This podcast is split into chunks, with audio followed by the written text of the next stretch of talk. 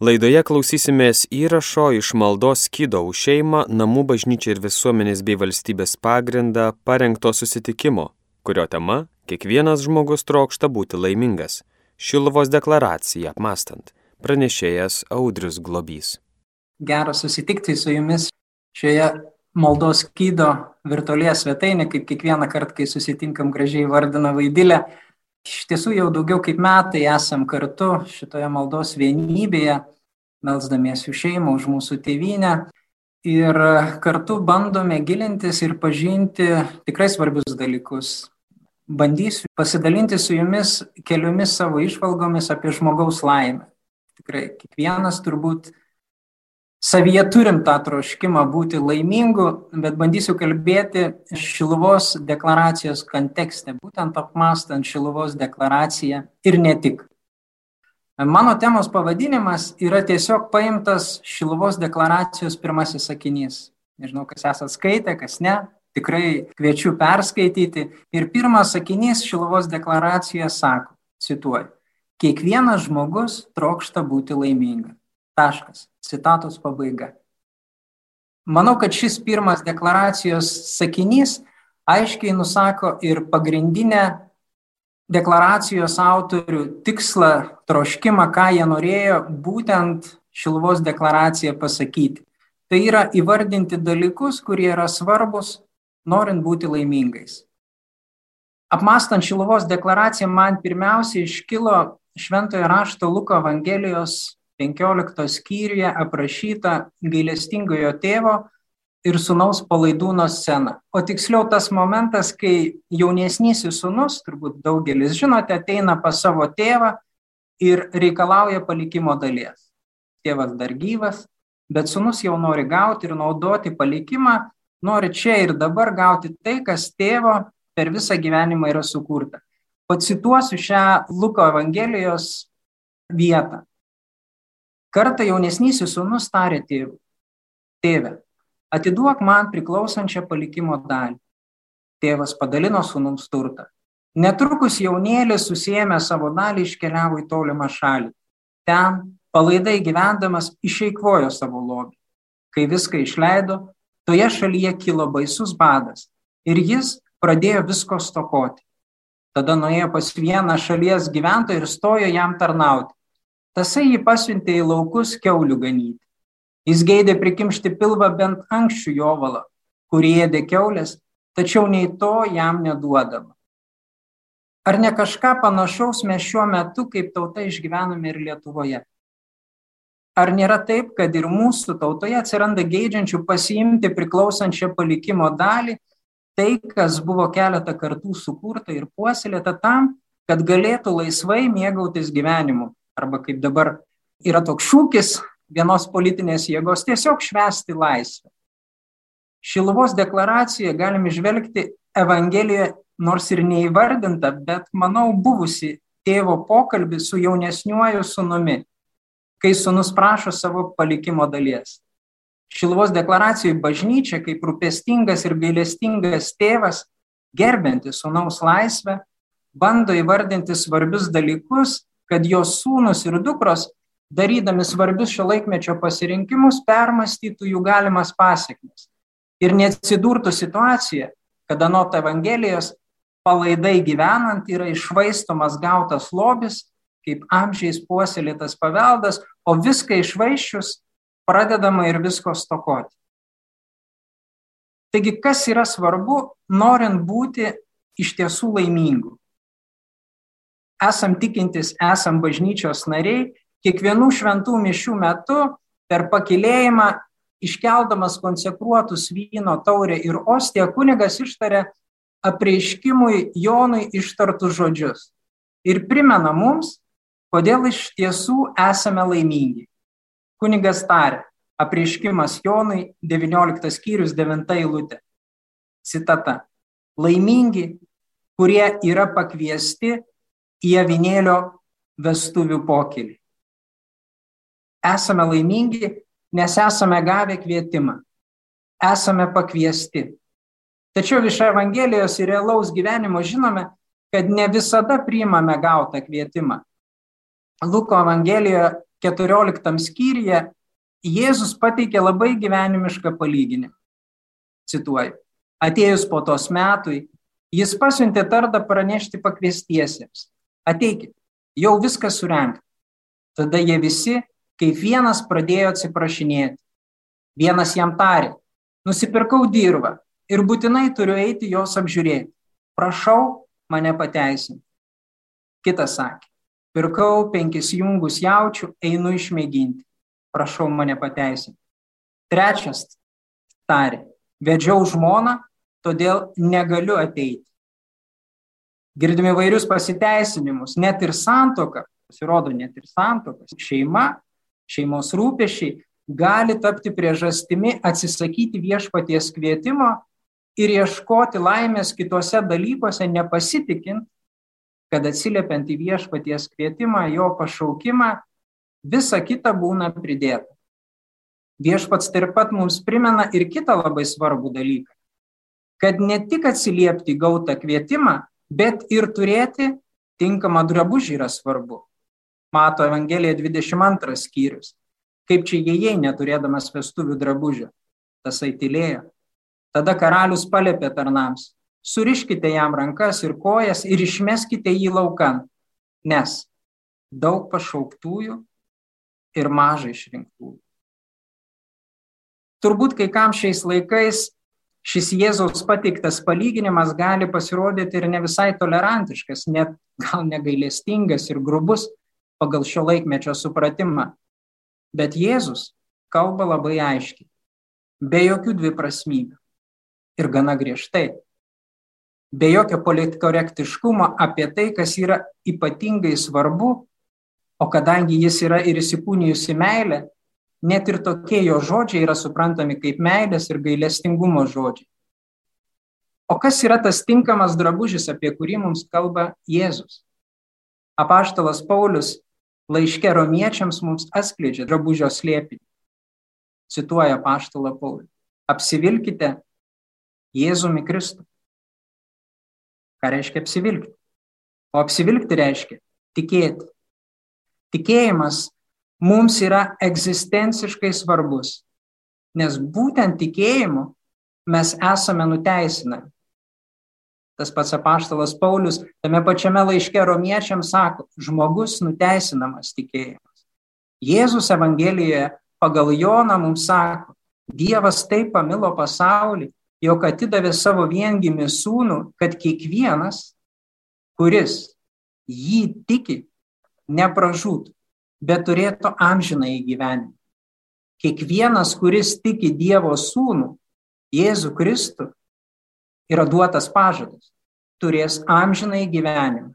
Ne bet kas, bet tas, kas jį tiki.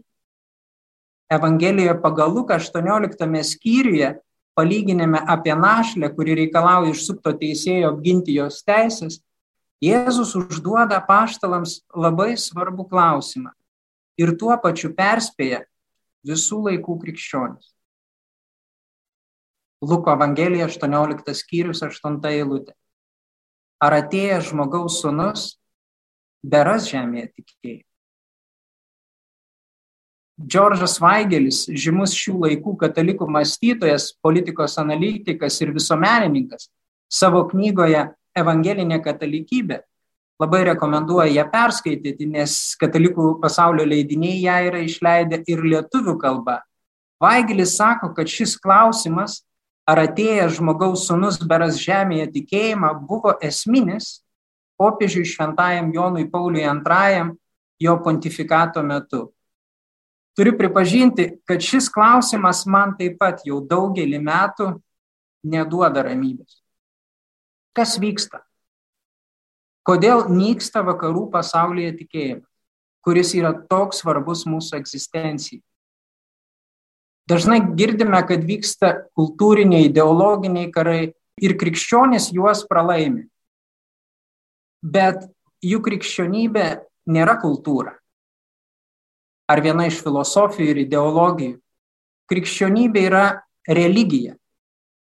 O religija pirmiausia yra žmogaus santykis, ryšys su transcendencija, jo išgyventas patirtas susitikimas su šventybė, sakrum, būties pilnatvė ir jos paveikto žmogaus reakcija į tai. Esu tikras, kad vyksta ne tik kultūrinis ir net ne tik ideologinis karas, ar įvairių politinių teorijų ar filosofijų konkurencinė kova. Savo esmėje vyksta dvasinis karas.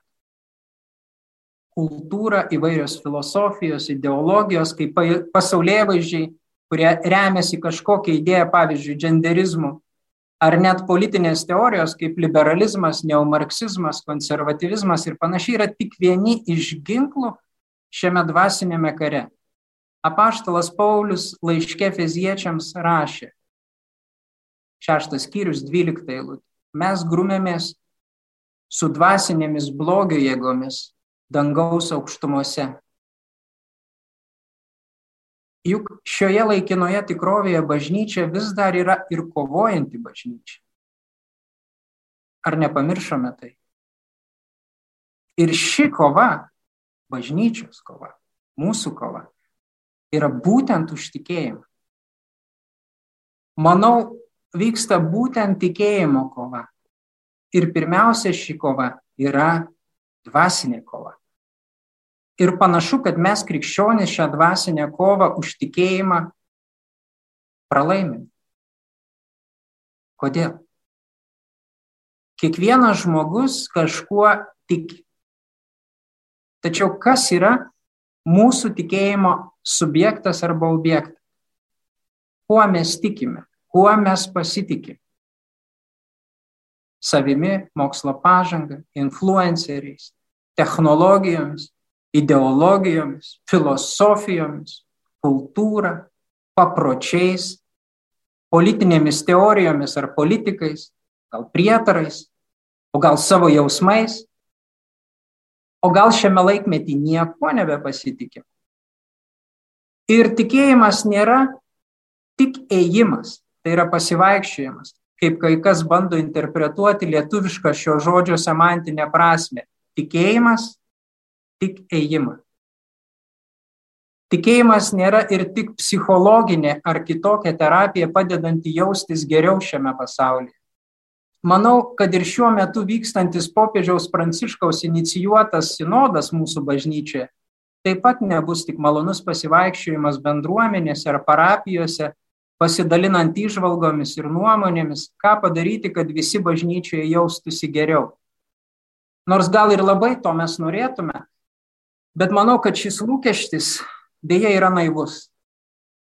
Vis daugiau ženklų, tokių kaip pavyzdžiui, bažnyčios Vokietijoje sinodo deklaracija, bandant sinodą panaudoti sekularizuojant, tai yra supasaulietinant bažnyčią. O ir mūsų Lietuvos bažnyčioje vykstantis procesai rodo, kad sinodas greičiausiai taip pat virsta dvasinės kovos už tai, ką mes tikime lauku. Kas yra tikėjimas? Katalikų bažnyčios katekizmas moko. 150 pastraipa. Cituoju. Tikėjimas pirmiausia yra asmeniškas žmogaus ryšys su Dievu. Asmeniškas žmogaus ryšys su Dievu. Tikėjimas yra žmogaus laisvos valios aktas ir Dievo malonės aktas, kuriantis abipusį ryšį tarp Dievo, transcendencijos asmens ir žmogaus kaip kūrinio asmens. Pats Dievas kaip transcendencijos asmuo, šventybė, būties pilnatvė pasirinko būtent tikėjimą kaip būdą bendrauti, būti santykyje, ryšyje su savo kūriniu žmogumi turinčių protą ir laisvą valią. Prisiminkim Abraomą, kuris yra mūsų tikėjimo tėvas. Abraomas buvo ryšyje santykyje su Dievu per tikėjimą ir pasitikėjimą juo. Pradžios knyga. Abraomas pasitikėjo Dievu ir tai jam buvo įskaityta teisumu. Tikėjimas yra Dievo laisvės, tai yra dviejų laisvių kurėjo ir kūrinio susitikimo patirtis. Ne tik instinktų ir pojūčių, bet ir protų ir valios lygmenį. Tikėjimas yra ryšys, santykis, patirtis. Karlas Raneris, vokiečių filosofas ir vienas įtakingiausių 20-ojo amžiaus katalikų teologų, 20-ojo amžiaus viduryje yra pasakęs, cituoju Karlą Ranerį, rydienos maldingas žmogus bus arba mystikas, tas, kuris šį tą patyrė, arba jo visai nebebus. Nes rydienos maldingumas nebebus palaikomas iš anksto su asmeniniu apsisprendimu derančio ir savaime suprantamo viešo įsitikinimo ir visų žmonių religinio papročio. Anot Karlo Ranerio, maldingumui išlaikyti bus reikalingas tikėjimas kaip žmogaus, kaip kiekvieno iš mūsų asmeninis ryšys su Dievu. Reali Dievo transcendencijos patirtis. O mūsų krikščionių tikėjimas yra kristocentriškas. Kristus, būtent Kristus, yra mūsų tikėjimo objektas ir tikslas. Su juo mes esame ryšyje per tikėjimą. Juo, būtent juo, mes turime apsivilkti ir tikėjai, ir tikėti. Vyksta intensyvi ir nuožmi kova už tikėjimą kaip mūsų kiekvieno asmeninį ryšį su Jėzumi. Tikėjimas kaip Dievo atlipas ir malonė, susitikimas ir ryšys su Dievu yra patiriamas būtent mūsų sąžiniai. Enciklikoje Veritatis Splendor tiesos didybė šventasis Jonas Paulius II mokė. Sąžinė yra paslaptinga ir vertinga ne kuo kitu, o būtent tuo, kad ji yra vieta, šventoji erdvė, kur Dievas byloja žmogui. Būtent sąžinė. Kalno pamokslė viešpats mus mokė palaiminti. O tai reiškia tikrai laimingi yra tie, yra širdžiai, nes jie regės Dievą. Mato Evangelija penktas skyrius, aštunta eilutė. Kalbėdami apie laimę ir tikėjimą, neišvengiamai turime kalbėti ir apie nuodėmę.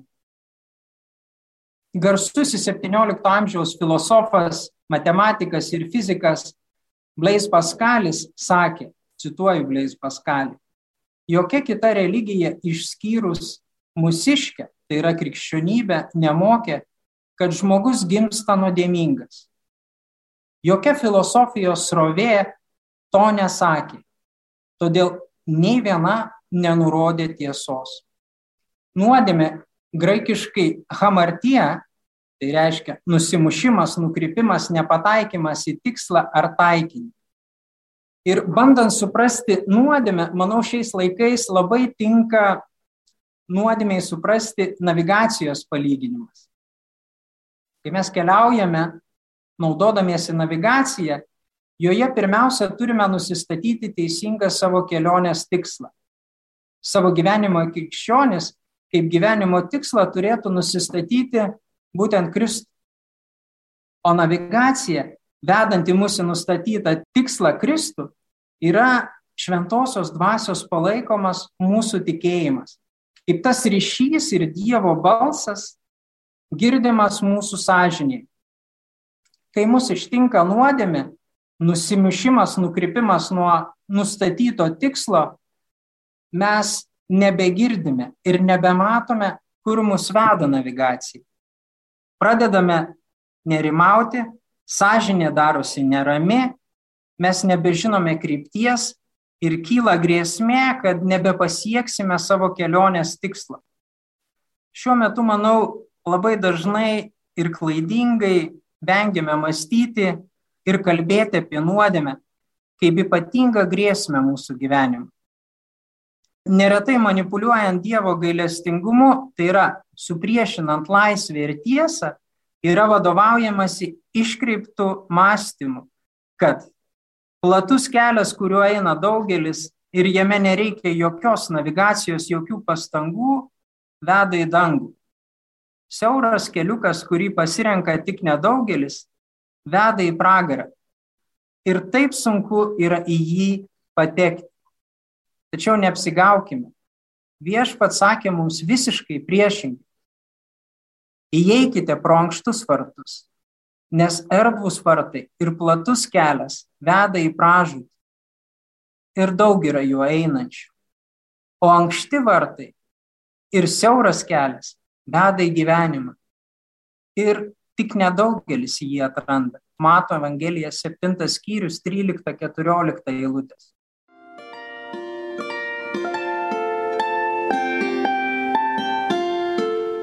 Jūs girdite Marijos radiją.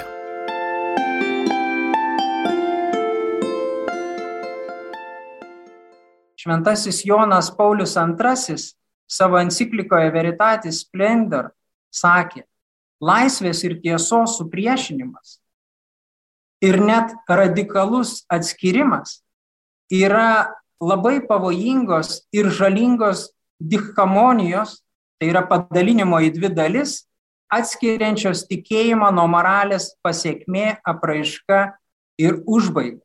Kai mes atskiriam tikėjimą nuo moralės, atsiskiria laisvė ir tiesa. Ir tai yra labai pavojinga, anot popiežiaus Jono Pauliaus antroje. Kai mus ištinka nuodėmė, mes turbūt kiekvienas turime tą patirtį, mes savo sąžinį, jeigu ji vis dar yra jautri nuodėmiai, išgyvename įtampą pasireiškiančią nerimų, baimę ar net vidinių dvasinių skausmų. Ir šis vidinis nerimas ir dvasinis skausmas gali būti sunkiai pakeliamas tiesos akivaizdoje, jeigu mus ištinka sunki nuodėmė. Tačiau tuo pačiu šis momentas yra ir ypatingai svarbus, nes būtent jame mes galime patirti ypatingą Dievo malonę, jo gailestingumą. Yra du būdai numalšinti sąžinėje pasireiškinti nerimą. Pirmas būdas. Turbūt visi jį žinome, esame tikintis, esame krikščionis ir labai tikiuosi naudojamės juo. Tai yra atgaila ir susitaikinimas su Dievu atgailos sakramentu kurio metu įvyksta dvasinis perkeitimas, graikiškai metanoja. Tai yra atstatomas tikėjimas kaip asmeninis ryšys su Dievu.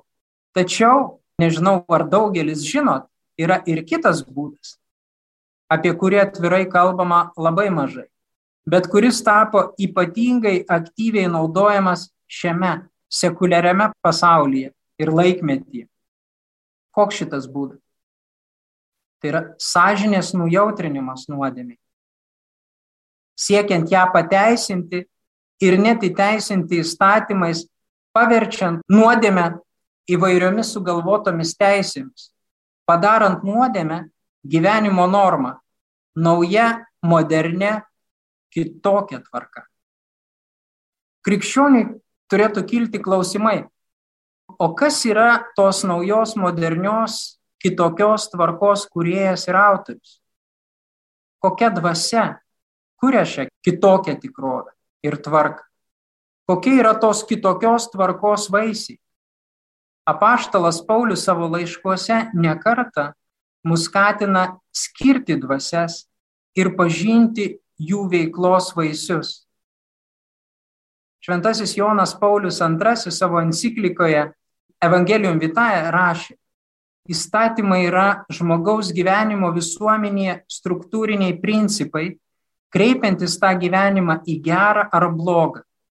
Jie vaidina labai svarbu, o kartais lemiamą vaidmenį veikdami mąstysenos ir elgsenos modelius.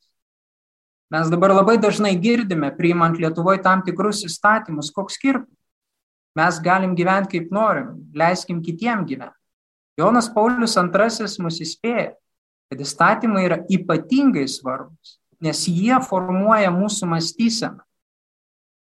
Nuodėmės pavertimas tam tikra teisė, pavyzdžiui, įteisinant partnerystę ar santoką, homoseksualius santykius kaip kitaip tvarkingus, kontracepcija kaip teisė išvengti neplanuoto neštumo ar apsisaugoti nuo lytinių kelių plintančių lygų, lyties keitimą ir socialinę lytį kaip teisė pasirinkti lytį, abortų įteisinimą kaip moters teisę į savo kūną, embrionų naikinimą kaip teisę esant nevaisingai susilaukti vaikų ar mokslo teisę į medicininius eksperimentus, eutanaziją kaip teisę oriai numirti, prostitucija kaip teisę laisvai naudoti savo kūną, narkomaniją, alkoholizmą kaip teisę tiesiog atsipalaiduoti arba švesti laisvę ir taip toliau ir taip toliau. Ši žmogaus sugalvotų teisų įvairovė nujautrina visuomenės narių sąžinės pajautą nuodėmį, iškreipia jų tikrovės suvokimą ir prigimtyje, mūsų prigimtyje egzistuojančią tvarką. Skatina kurti savo, savo, iškreiptą, kitokią, utopinę tvarką ir tikrovę. Todėl neatsitiktinai bažnyčia tokį nuodėmės būvį savo mokymę įvardina kaip nukrypimą arba iškrypimą arba netvarką. Žmogaus prigimtyje egzistuojanti laisvė leidžia mums pasiduoti nuodėmiai.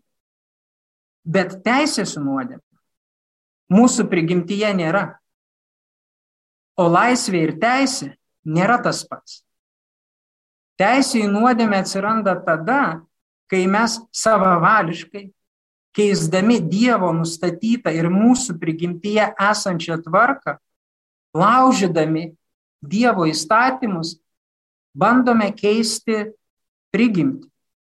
Nuodėmę pateisiname ir įteisiname. Tai yra patys sprendžiame ir nustatome, kas yra gera, o kas yra bloga. Su nujautrinta nuodėmiai sąžinė žmogus nebet pažįsta tiesos. Jo sąžinėje tiesos balsas tiesiog nuslopsta. Arba joje esantis triukšmas užgožia Dievo balsą. Toks žmogus vis labiau praranda tikėjimą kaip asmeninio ryšio su Dievu palaikymo būdą. Jo sąžinė tiesiog apkursta tiesos balsai. Todėl neturėtų stebinti, kad tokiam žmogui Dievas tiesiog nebeegzistuoja, nes jis nebeturi tikėjimo kuris reikštųsi kaip jo asmeninis ryšys su Dievu. Jis kažkuo tik, bet ryšio, santykio su Dievu nebėra. Ir dažniausiai tokiam žmogui būtent jis pats tampa Dievu. Ir turi stiprų asmeninį ryšį su savo aš, savo ego. Ego aš pakeičia Dievą. Manau, tokį procesą mes dabar ir stebime sekuliarioje visuomenėje, išgyvendami gilę tikėjimo būtent Jėzumi Kristumi krizę.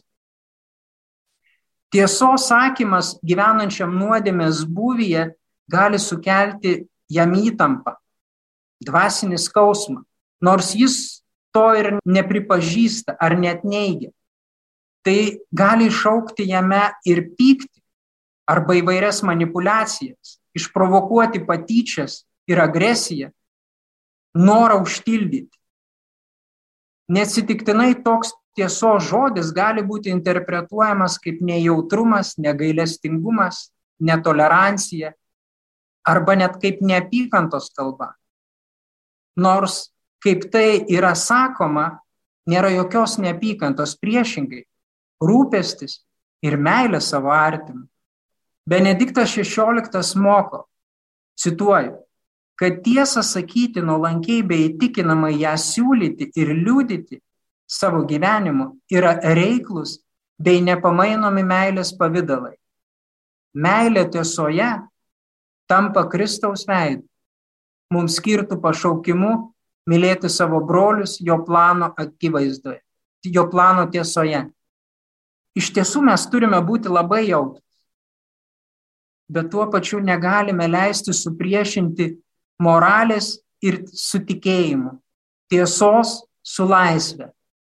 Nes tai veda į dvasinę šizofreniją, suskilimą. negalime pripažinti ir patvirtinti nuodėmę kaip normą. Nes nuodėmės pripažinimas norma nujautrina, kaip minėjau, ją darančio žmogaus sąžinę nuodėmės pajautai ir naikina jo tikėjimą kaip asmeninį ryšį su Dievu. Ir tai jokių būdų nėra gailestingumo ir meilės aktas savo artimui. Tai darydami mes tampame nuodėmės bendrininkais ir prisidedame prie to, kad mūsų broliai ir seserys praranda tikėjimą kaip asmeninį ryšį su Dievu. Jie gal kurį laiką ir jaučiasi geriau, nes nuodėmės atpažinimo simptomai užslopsta nejaučia vidinės įtampos. Bet tai yra tik trumpalaikė iliuzija, nes jie vis labiau tolsta nuo tiesos, tolsta nuo Dievo kaip būties pilnatvės.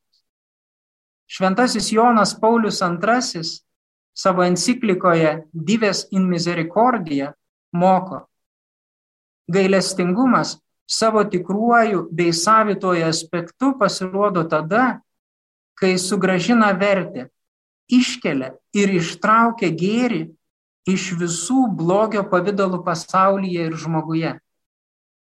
Jėzus įsikūnijo, mirė ir prisikėlė ne tam, kad mes visada geriau jaustumėmės šitoje tikrovėje. Priešingai, jis yra prieštaravimo ženklas. Luko Evangelija antras skyrius 34 eilutė. Jis yra matomas ir girdimas ženklas mūsų sąžinė. Jis visą tai padarė dėl to, kad mes būdami nusidėjėliai per atgailą, pasitikėdami jo begaliniu gailestingumu, savo silpnume patirtume mus perkeičiančią ir išlaisvinančią iš nuodėmės jo malonę, kuri atstato mūsų asmeninį ryšį su Dievu atstato mūsų tikėjimą. Kad mes taip kaip Dievo vaikai gyventume jo artumoje ir įgytume amžiną į gyvenimą.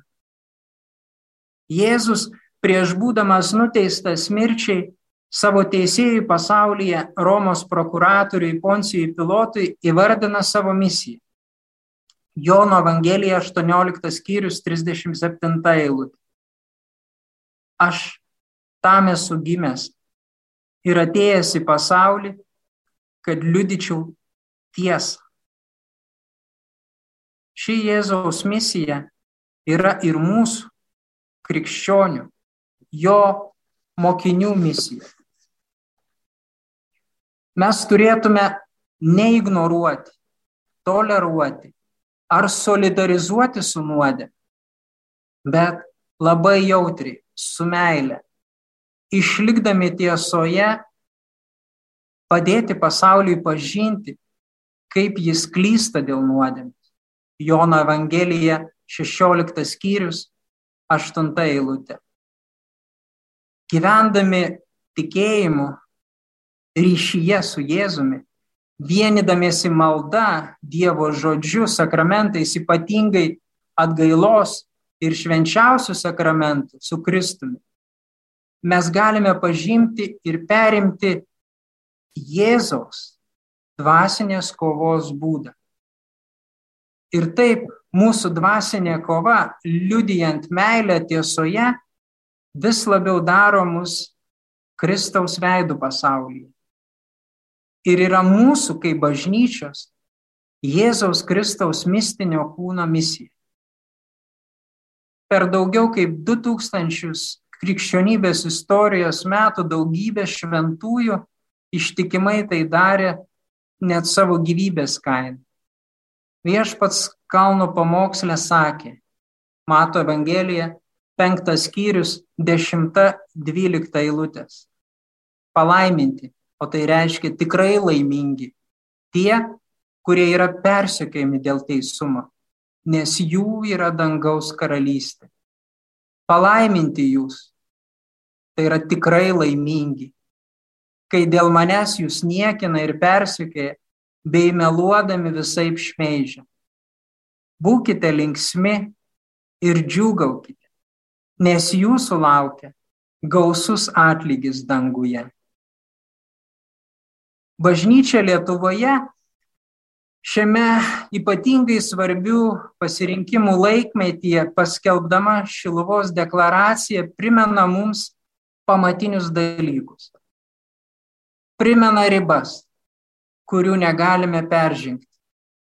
Primena, kad Šiluvoje prieš keturis šimtus metų pasirodžiusi Dievo motina paragino mus, tai yra garbinti, tai yra tikėti, tai yra būti ryšyje su jo sunumi Jėzumi Kristumi, o ne tik arti ir sėti. Tai yra pasiduoti sekularizmui ir materializmui. Šis paraginimas primena ir Dievo mums paliktos tvarkos svarbą. Dievo, o ne kitokios tvarkos svarbą.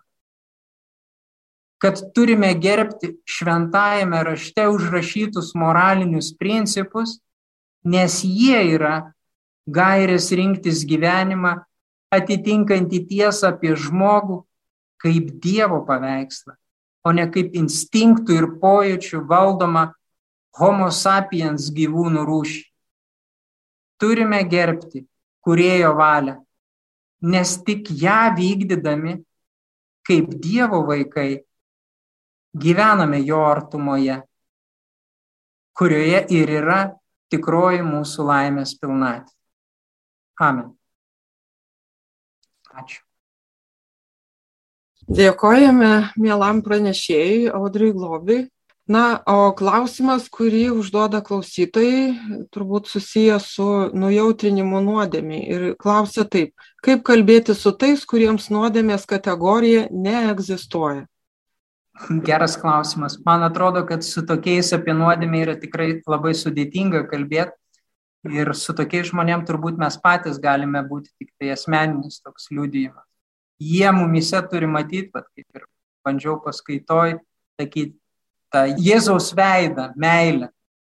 Kai kalbame apie nuodėmę, tai nereiškia, kad mes turime nuolat ją mosaguoti ir žmonėm kalbėti apie ją.